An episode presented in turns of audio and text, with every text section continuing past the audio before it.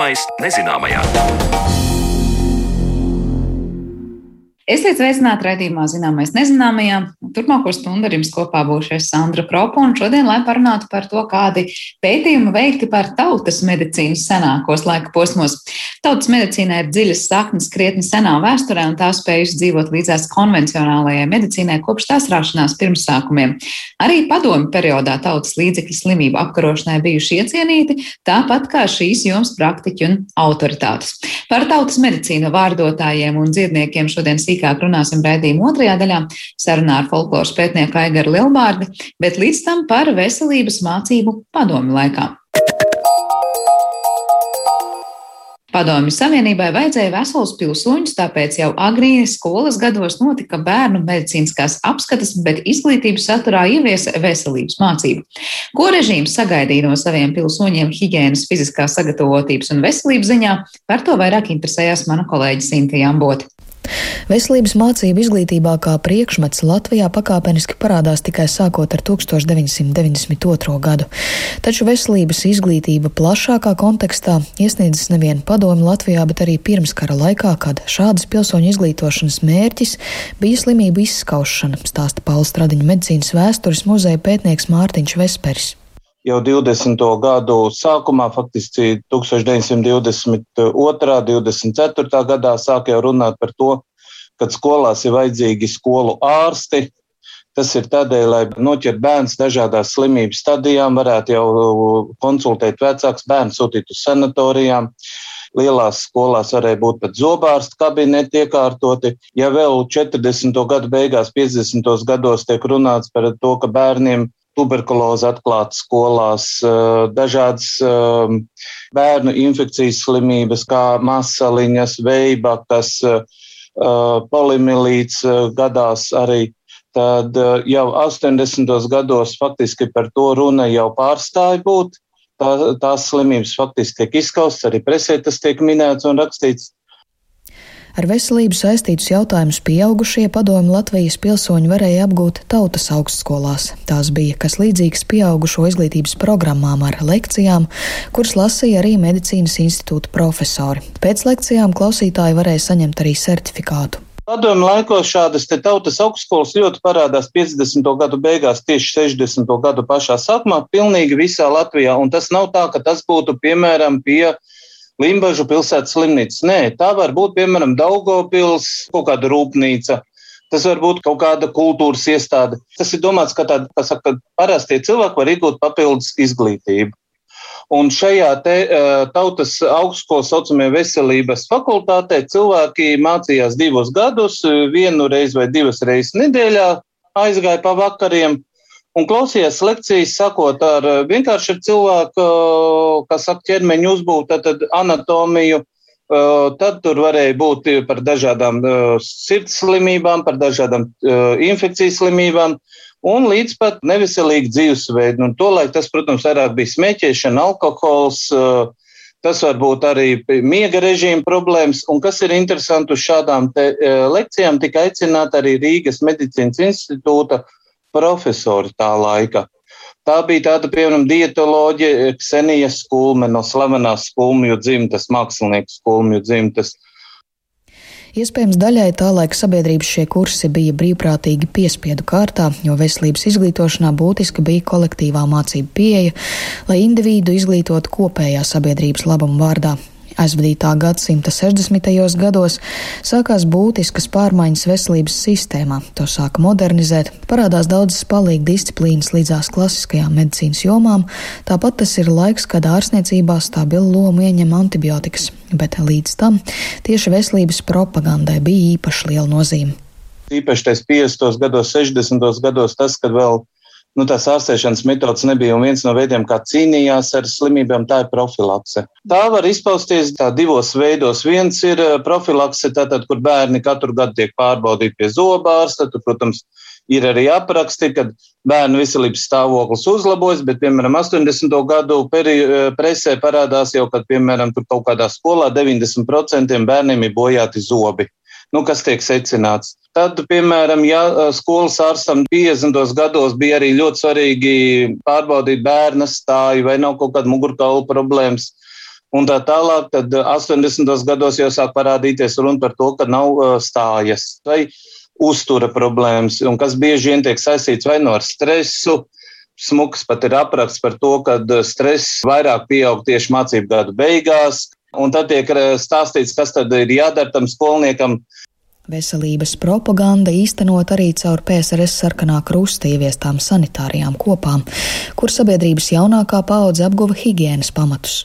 Tas varēja būt gan sarkanam krustam, tas varēja būt arī pionieri organizācijai, kur tad pionieru pulciņa bērni tika mācīti, kā tu pareizi mazgāt, ievērot mutes higiēnu, mazgāt zobus, kad no rītiem ir pareizi jāvingro, kā to darīt, kā ar augstu ūdeni mazgāties. Un arī, protams, bija tā saucamās profilakses, kad bērni gāja pārbaudīt viens otru klasē, vai nagi ir tīri, vai rokas ir tīras. Nu, pat šādi aspekti, kas liekas varbūt tāds uh, sīkums, bet ļoti īstenībā iedarbīgs, ja šodien viss ir uzlikts gandrīz uz to pašu bērnu atbildību vai uz uh, vecākiem, un pasaka, vecāki nes atbildību, tad tā laikā bija runa jau par to sabiedrību kopumā, kā tādu, ka sabiedrība viens otru pieskat. Vai tas ir labi, vai tas ir slikti, Es atbildēt nevaru. No vienas puses, es uzskatu, ka tas ir labi, no otras puses, nu, kuram mums patīk, ka pienāk kaut kāds uh, no citas klases un to pasaka, ka tevi netīri nagi vai vēl kaut kas. Bet varbūt es runāju jau no šodienas brīvības pieredzes. jā. Medicīnas vēstures pētnieks Mārtiņš Vespers turpina, ka tāda veselības izglītības programma, kuru šodien sauc par seksuālo veselību, tolaik neeksistēja. Uz šiem jautājumiem gan skolās varēja atbildēt īpaši no ārstniecības iestādēm piesaistīti ārsti, kuri dēvēti par pusauģu jautājumu ārstiem. Savukārt 80. gados veselības izglītības uzmanības lokā parādās jaunas problēmas, piemēram, bērnu aptaukošanās, un ārsti skolās sāk celt trauksmi par neveselīgu uzturu un mazkustīgumu skolēnu bērnu vidū. Šajā laikā skolās parādījusies mācību grāmata Fiziskā kultūra, kas jau vairāk apraksta veselīgu dzīvesveidu, kā pareizi ēst un sportot, kā pareizi sēdēt pie galda un nelasīt gultā, vai kā ievērot veselīgu miega režīmu. Un tikai Padomju Savienības norieta laikā parādās apkārtējās vides ietekme uz sabiedrības veselību, kam impulsu radīja arī Černobiļas atomelektrostācijas katastrofa vides loma mūsu veselībā. Un tad tiek jau beidzot sāk runāt par to, ka pils, lielajās pilsētās bērnu veselības stāvoklis ļoti ietekmē šī te, e, nu, saka, rūpniecība un vide, kurā bērni apkārt dzīvo un tā tālāk. Tad, tad, nu, arī par pārtiku jau mēs runājam konkrēti, ka pārtika ļoti liela iespēja atstāv uz mūsu veselību un viss. Tad, tā runa tiek pacelt augšā 80. gados. No, tas ir noriet laiks, bet tas ir arī laiks, kad jau brīvāk var cilvēks sākt rakstīt. 88. gads tas jau ir atmods laiks, ka ļoti daudz uh, cilvēku sāk rakstīt, uh, publicēt, vēstules tiek publicētas pilnībā. Nu, tad, tad, nu, viens puses tas ir noriets, bet noriets sistēmai lielai, kura vairs nespēja valdīt, kā saka, ar dzelzs dūri, bet te pašā laikā parādās arvien brīvāk, kas sāk pacelties šie jautājumi, kas tika varbūt noklusināti, bet kas, nu, kas ir būtiski, kad viņi parādās. Noslēdzot sarunu ar medicīnas vēstures pētnieku Mārtiņu Vesperi, vēl iezīmēs tas, ka arī padomu Latvijā gluži kā teju katrā cilvēces pastāvēšanas laikā sabiedrībā neizpaliekoša bijusi tautas medicīna, kas gan nav bijusi veselības izglītības sistēmas daļa, bet aktīvi praktizēta mājasemniecību līmenī. Piemēram, ja bija plauškarsons, tad laukos vēl nu, 50. varētu teikt līdz pat 60. Gadu, gadiem, nu, faktiski 50. gadu beigām, bērni tika ārstēti, piemēram, ar svaigi izspiestu gūstu pļackas šķidrumu.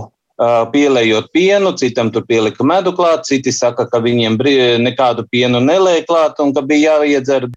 Tad vēl bija izplatīts tās bankas likt uh, uz mugurām uh, vai krūtīm. Nu, Ja bērns tur ir traumējis roku vai vēl kaut kas, tur asins, tad, protams, varbūt kāda skolotāja, ja nav ar ko pārsiet, paņems to ceļmalu lapu. Vai maziem bērniem bērns sasitās, māma tad īsreiz uzpūš, un bērns paliek mierīgs, viņam pārstāja sāpes būt, nu, tā, tādas šīs metodas. Bet tas, kā bērns ārstēja mājās, tas jau ir jau cits aspekts. Un tur tā tautas medicīna, protams, ļoti daudz parādās. Te arī ir jāatcerās viena lieta, ka tā tautas medicīna vairāk parādās tie izteikti vēl bija tas 50. 60. gados, kad, piemēram, arī tas sabiedriskais vai pieejamais transports nav tik plaši izplatīts. Un tāpēc mājās arī bieži vien bija bērns, kurš smagi saslim, varēja ārstēt visdažādākām metodēm, kas tajā brīdī vecākiem bija pieejamas un pieņemamas. Arī tas jāatcerās. Par veselības mācību padomju savienībā Sintijai Ambotē stāstīja Pauls Stradiņa medicīnas vēstures muzeja pētnieks Mārtiņš Vespers, bet raidījuma turpinājumā mēs pievērsīsimies folkloras pētījumiem par tautas medicīnu padomju periodā.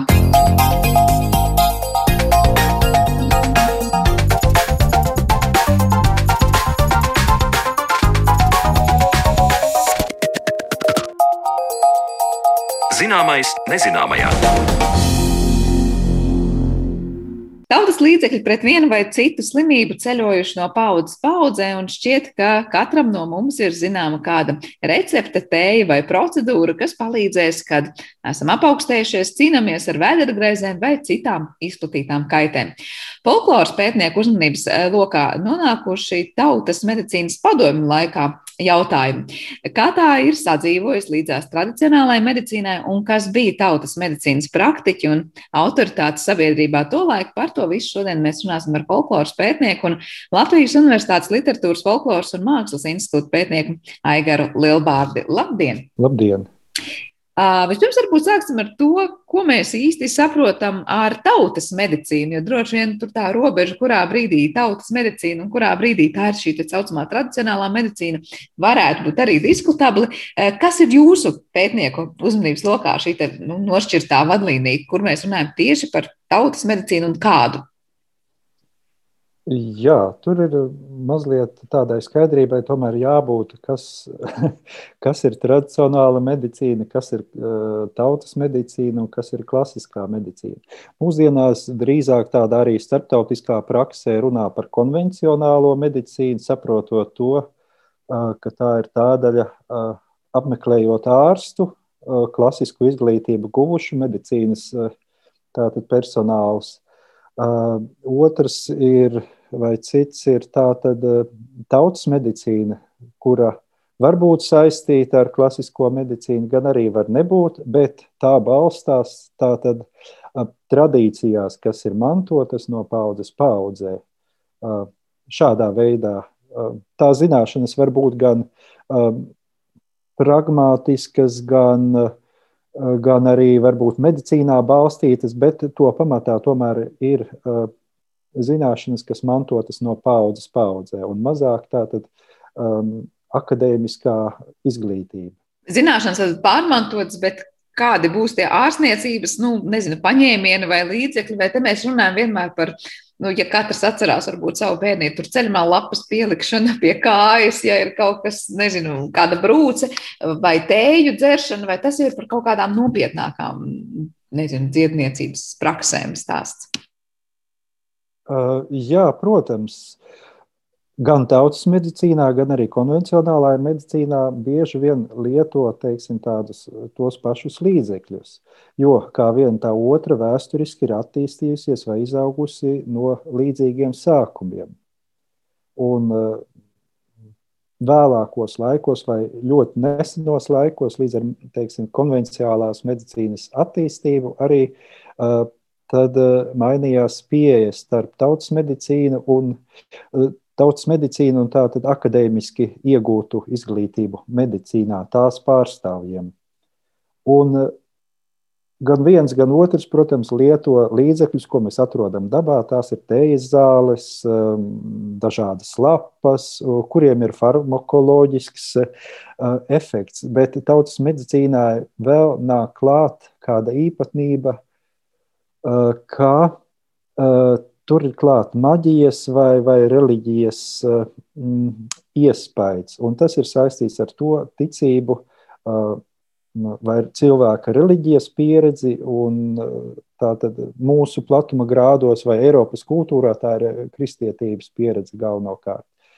Uh, klātesoša šajā tautas tradīcijās, uh, tādā klasiskajā vai konvencionālajā medicīnā mēs vairāk paļaujamies tikai uz, uz tādu uh, racionālu darbību un racionālu pieredzi. Un tautas medicīna arī mazāk vai vispār nenodarbojas ar ķirurģiju, anatomiju un tādām lietām. Protams, arī masāžas vai, vai, vai, vai, vai tautā sauktā kas braucīšanas un tā tālāk, tās, tās arī ir pazīstamas tautas tradīcijās. Bet es saprotu, ka jūsu pētnieku uzmanības lokā, folkloras pētnieku uzmanības lokā šī tautas medicīna ir nonākusi. Varbūt pastāstiet, kāpēc tieši tā un vai tieši padomu periods ir tas īpašais laika posms, par kur ir vairāk jautājumu, uz kuriem gribas rast tādas atbildes. Jā, tas, tā nu, tas ir pēdējā laikā noticis. Uh, vispirms jau mm, tāda tautas medicīna un tautas medicīnas vēsture, tautas tradīcijas ir nu, pētītas eh, visu vai visos laikos, kopš šādas eh, zinātnes nozares pētniecība par kaut ko pastāv. Mūsu, pie mums tā ir eh, medicīnas vēsture un folkloristika. Un tas laiks, kāpēc otrais pasaules karš, tādēļ, ka tas zināmā mērā radīja vai iezīmē tādus robežšķirtni gan tādā pētniecības domas attīstībā, gan arī attiecīgi uz objektu, ko mēs pētām.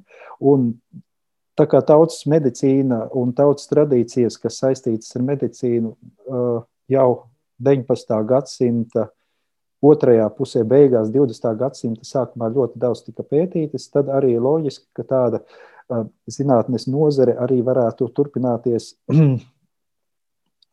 padomu periodā, bet mēs zinām, ka padomju varas sistēma un, un, un, un ideoloģija krasi atšķīrās no iepriekšējā perioda Latvijas kultūra vēsturē, un tādējādi arī mm, mainījās, mainījās uzsvari eh, arī tautas medicīnas pētniecībā.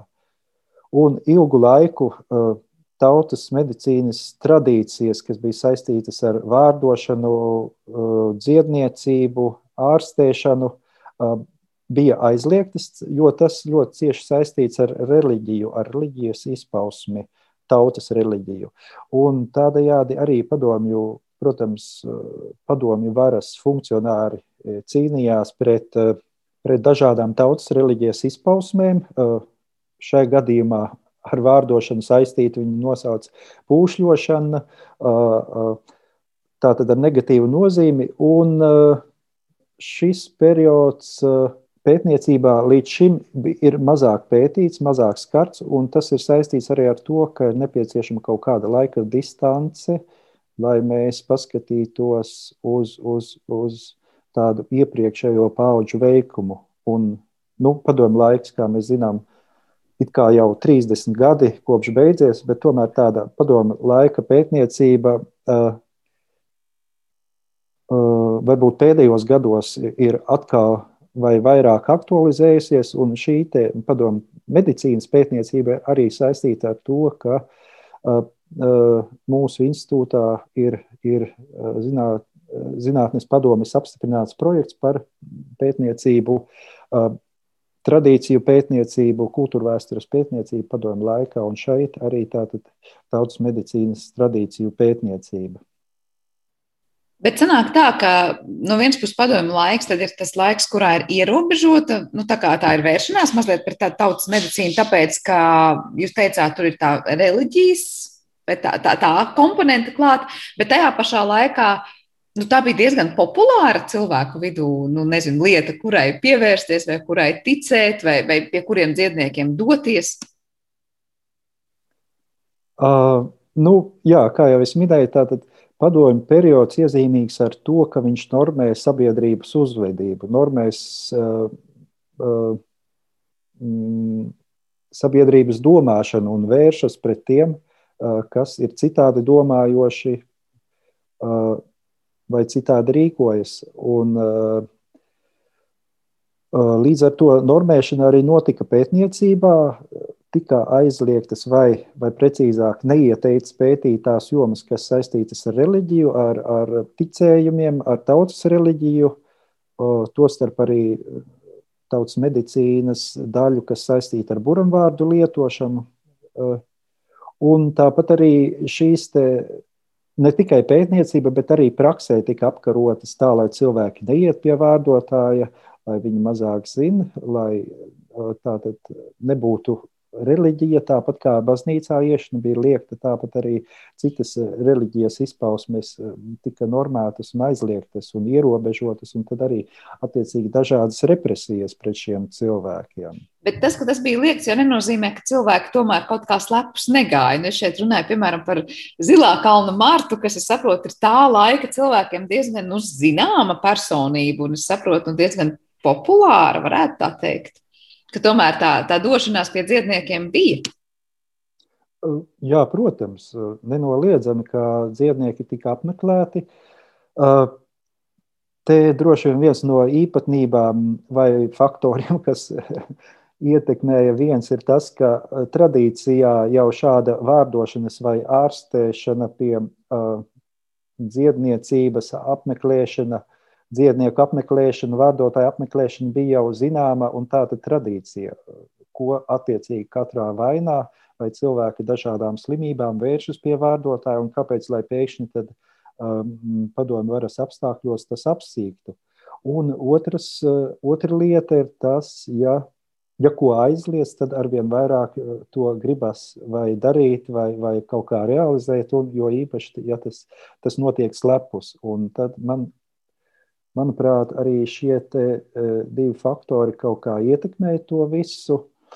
O, protams, padomju periodā bija uh, vārdotāji, dziednieki, kas darb, nodarbojas šajā arodā. Un, um, jā, viņi nebija varbūt tik atklāti, tāpēc mar, mēs par viņiem mazāk zinām, bet tas nebūtu nenozīmē, ka viņi nav.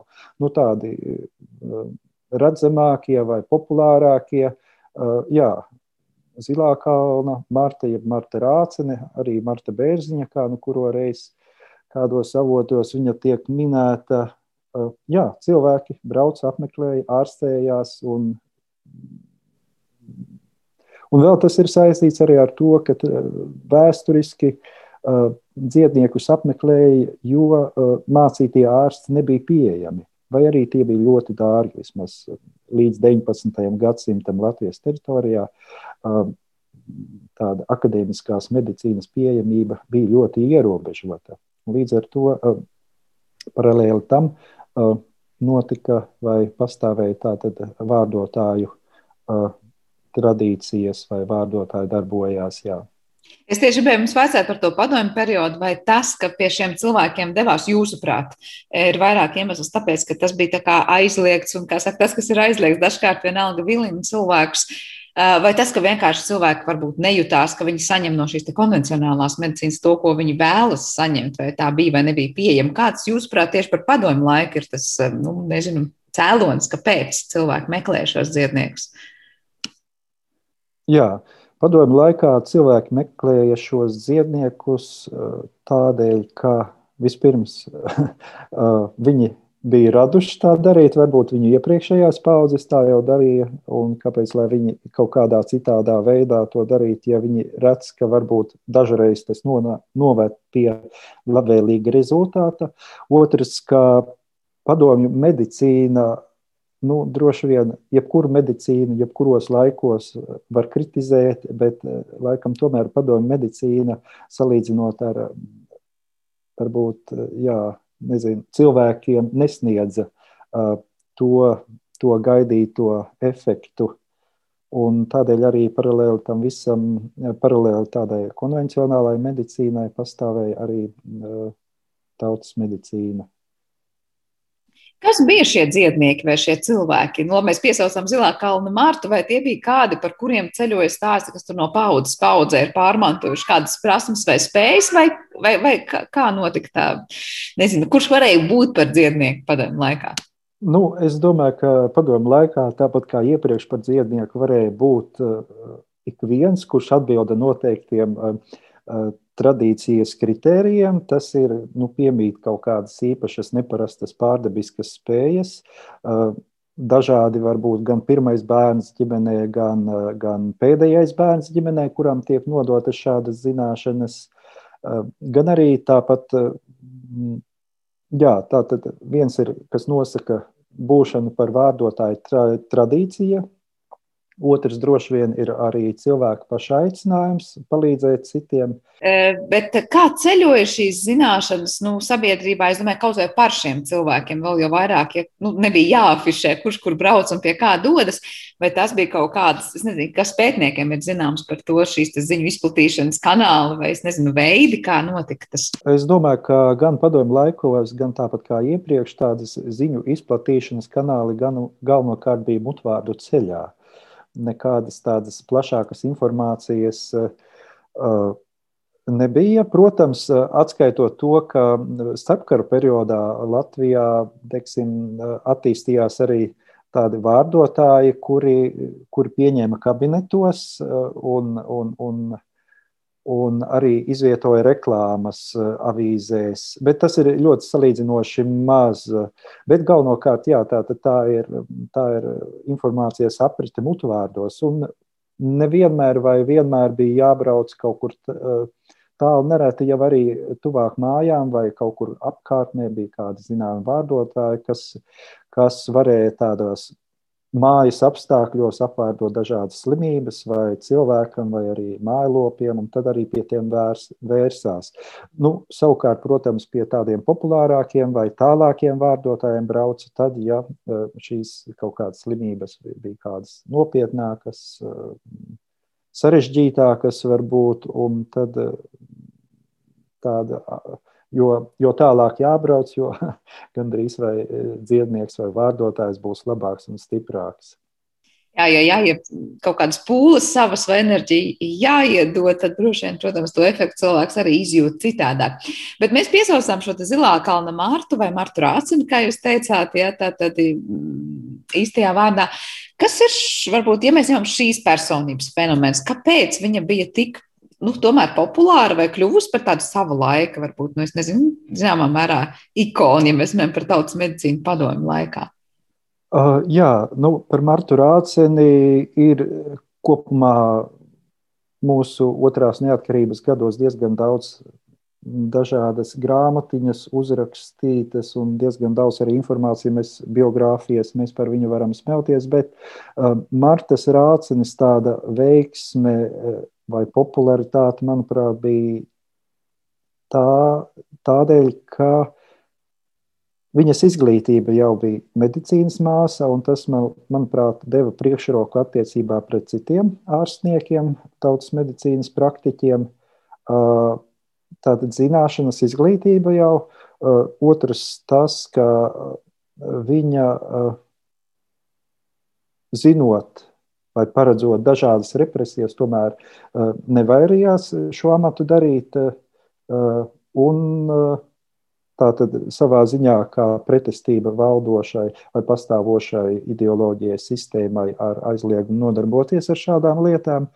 Un, es, un arī droši vien tā harizmā, ko viņa radīja sev apkārt, un cilvēku arī vēlme Tātad primāri jau atgūt veselību, bet arī, kas ir svarīgi, lai tāda tradicionāla dzied, dziedniecība vai vārdošana notiktu, tā ir apusēja uzticēšanās. Tātad pašam vārdotājam primāri jātic savām spējām, vai jābūt pašpārliecinātam vai pārliecinātam par sevi, un otrs, no otras puses, tātad mm, klientam vai, vai slimniekam, kurš meklē palīdzību, tam ir uh, jānotic vai jātic uh, šim pašam pasākumam un arī šim cilvēkam. Un tā kā šie faktori, ja sasaucas vai savienojas kopā, tad uh, droši vien rezultējas. Jā, nu šeit tad Martas harizmai pavisam noteikti bija īstā vieta.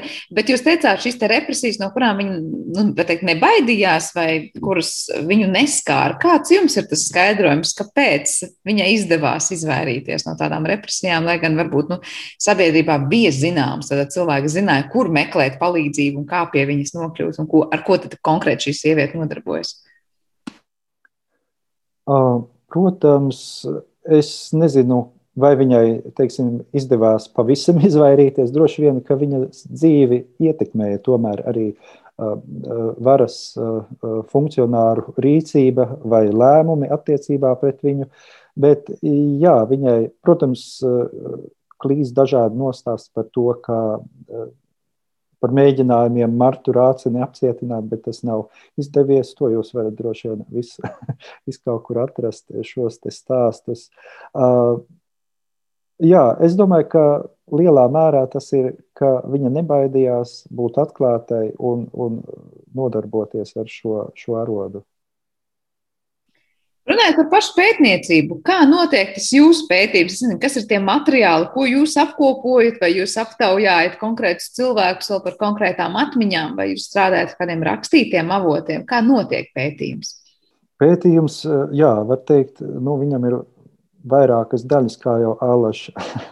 Tātad viens ir arhīva studijas, literatūras studijas, preses studijas, avīžniecības studijas, arhīvi mums tagad pandēmijas laikā ir mazliet eh, aizvērušies. Savukārt eh, periodika LV, eh, Nacionālās bibliotēkas elektroniskā pieeja ir atvērta, tā kā avīžniecība.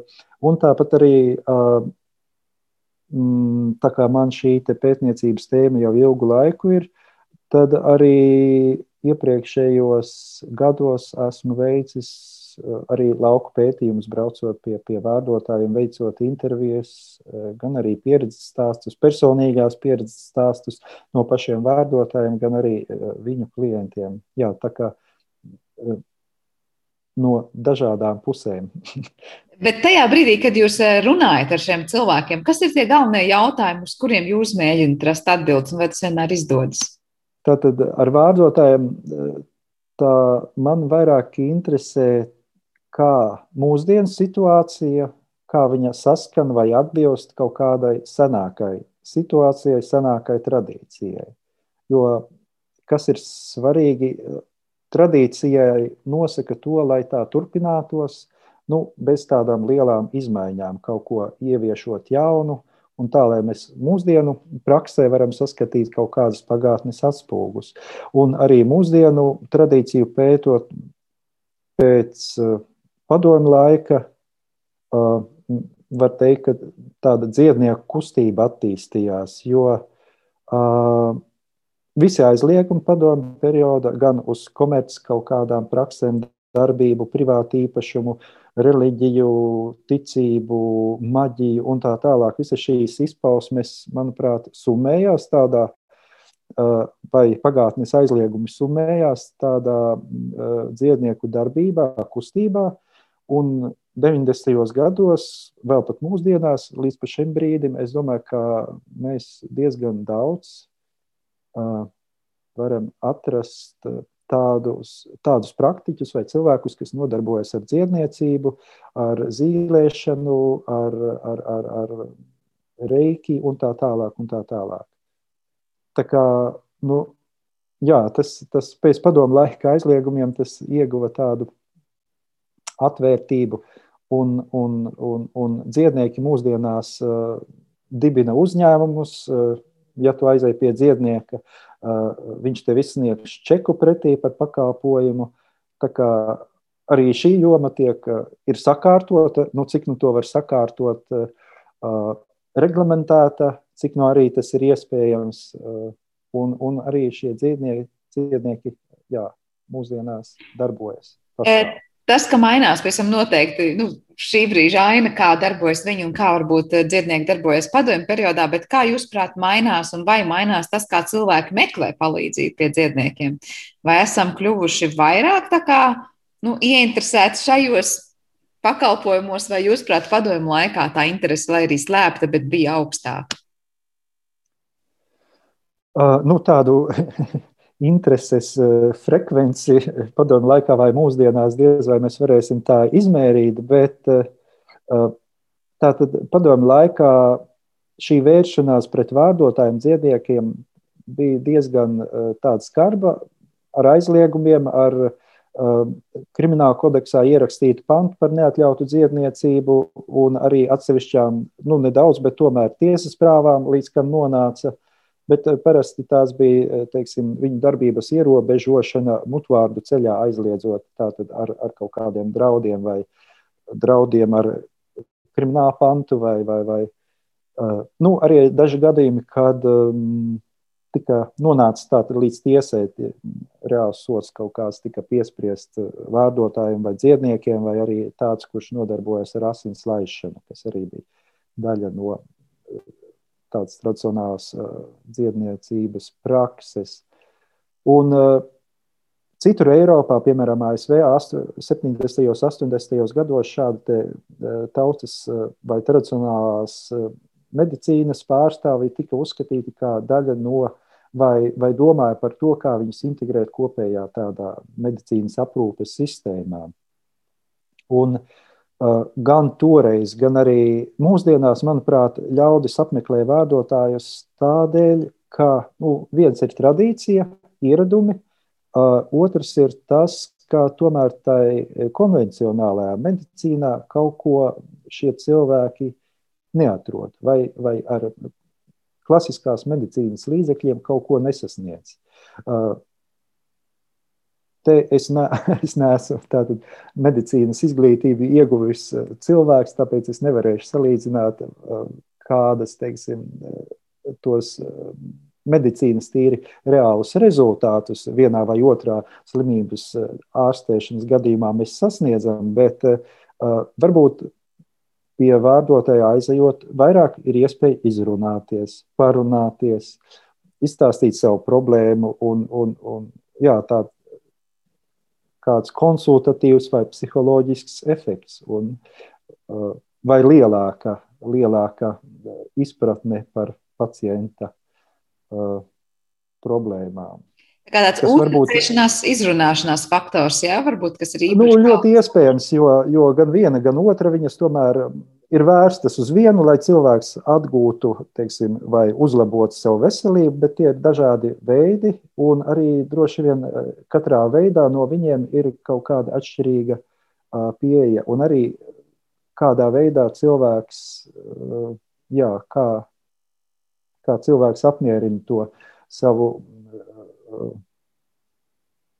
mm, vizītes mērķi. Jūs piesaucāt par to, kā citās valstīs ir vai nav integrēti bijuši mēģinājumi vismaz šo tautas medicīnu ar šo konvencionālo medicīnu. Eh, tas gan vairāk attiecas atkal uz šīm tējas, ārstniecisko tēju lietošanu, kuras pati dzirdējuši no daudziem ār, ārvalstu eh, kolēģiem vai draugiem, kas saka, nu, ka pie mums nav tik izplatīti tur meklēt palīdzību tādas vai tādas, kas saka, dabas aptieciņas plauktiņā lai tiktu galā ar klepu vai iesnām vai, vai nezinu, sāpošu muguru. Kā jums liekas, vai salīdzinot ar citām sabiedrībām, mēs Latvijā esam vairāk pieķērušies, vai tā tradīcija ir bagātāka vai ilgāka, tieši vērsties pie šiem dažādiem tautas medicīnas līdzekļiem? Un šeit runāja kaut vai par ārstniecības augiem, nevienmēr ne vārdotājiem. Uh, jā, Es domāju, ka mūsu sabiedrībā tomēr ir diezgan zinoša homeopātijā par dažādiem augiem, kā tos lietot, kādos gadījumos. Protams, tās, tās lietojuma mērķi var mazliet atšķirties vai variēties, bet katrā ziņā tā mūsu tradīcija ir samērā bagāta arī joprojām. Cilvēki vāc tējas, asinszāles, liepziedus, nātris un tā tālāk, dažādus augus. Uh, un tos pielieto, un, un tādā veidā varbūt atslogo konvencionālo medicīnas. Uh, bet jā, mūsu sabiedrība ir zinoša un um, tā teikt, diezgan tuva dabai. Uh, noslēdzot šo sarunu, šis jūsu pētījums par tautas medicīnu tieši padomu laikā. Kas jūsuprāt ir tie būtiskākie jautājumi, uz kuriem rodot atbildes, un mēs iegūstam ko? Ko tas mums palīdz labāk saprast par mums mūsdienās, vai atskatīties vienkārši ir interesanti uz aizgājušo laiku? Kāds ir tas jūsu galvenais mērķis šiem pētījumiem? Uh, galvenais, nu, droši vien mērķu ir daudz, un tā grūti izcelt galveno vai kurš būtu svarīgāks, bet uh, Tātad šeit ir divas tādi jautājumi loki. Viens ar, ar tradīcijas attīstību, variēšanos un, un to ietekmi mūsdienās, kā mainās, kā mēs paši maināmies, kā mainās mūsu ieradumi attiecībā uz kaut kādu vienu viena tradīcija šai gaitā, šai, šai reizē tātad uz tautas medicīnu, un savukārt no otras puses uzsvers ir uz padomu laiku, uz varas sistēmas ietekmi uz cilvēku sabiedrību, uz, uz primāri arī uz pētniecību, tradīciju pētniecību, jo šie cilvēki, kas, kas sākotnēji bija iesaistījušies arī tautas medicīnas pētniecībā, diemžēl viņi, pret viņiem arī bija vērstas, vai viņiem tas nevedās šī pētniecība. Un, jā, tātad padomu laiks, vara, attiecības ar pētniecību, attiecības ar sabiedrību, represijas, tas mums palīdz manuprāt, eh, saprast mūs pašus, jo tā jau lielā mērā ir mūsu pašu sabiedrība, mūsu pašu paudzes, eh, kas, eh, jā, padomu laiks bija jāsaka ļoti sarežģīts, jo īpaši pēc kara gada. Tā kā, jā, Tas Kā palīdz saprast. Atraut no mūsu šī brīža, varbūt tāda, nu, nezinu, sabiedrības portrete, tā var teikt. Jā, protams, padomu periods, tas nav mums tālu. Tāpēc mums bija nepieciešams kaut kāds laiks, lai mēs varētu sākt pētīt vai neitrāli raudzīties, varbūt ne tik emocionāli raudzīties uz pagātni. Un tāpēc šī laika distance uh, dod, uh, dod tādu, uh, ļauj vērtēt mazliet no malas, bet tai pašā laikā ir, tas ir nesens laiks, un tie esam arī mēs, kas arī veido mūsu šodienu. Jā, tas ir tas viens no laikam padomju laika pētīšanas interesantajiem fenomeniem, jeb aspektiem, varbūt pat šajā gadījumā, ka no vienas puses ir pagājis laiks, lai atskatītos ar nelielu distanci, bet tas laiks nav tik ļoti tālu pagātne, lai teiktu, ka mums ir varbūt nu, tiešām vienīgie avoti, kādi arhīvi, rakstiskie, un nav vairs ne atmiņu, ne varbūt kaut kādu sajūtu, ko pētīt. Tā kā iespējams tās vēl noķert aiz astes un salikt tādās interesantās, varbūt kategorijās salīdzināmās un izdarīt secinājumus. Teikšu jums lielu paldies par šo sarunu un atgādināšu mūsu klausītājiem, ka mūsu attālinātajā studijā šodien viesojās folkloras pētnieks Latvijas Universitātes literatūras, folkloras un mākslas institūta pētnieks Aigars Lielbārdas. Ar to arī šīs raidījums ir izskanējis. Par to parūpējās producenta Paula Gulbinska. Par mūziku šai stundē gādāja Girds Bišs, bet ir jums kopā bijusi Sandra Kropa. Mēs jau tiekamies pavisam drīz. Lai mums visiem jauka diena! Vislabāk!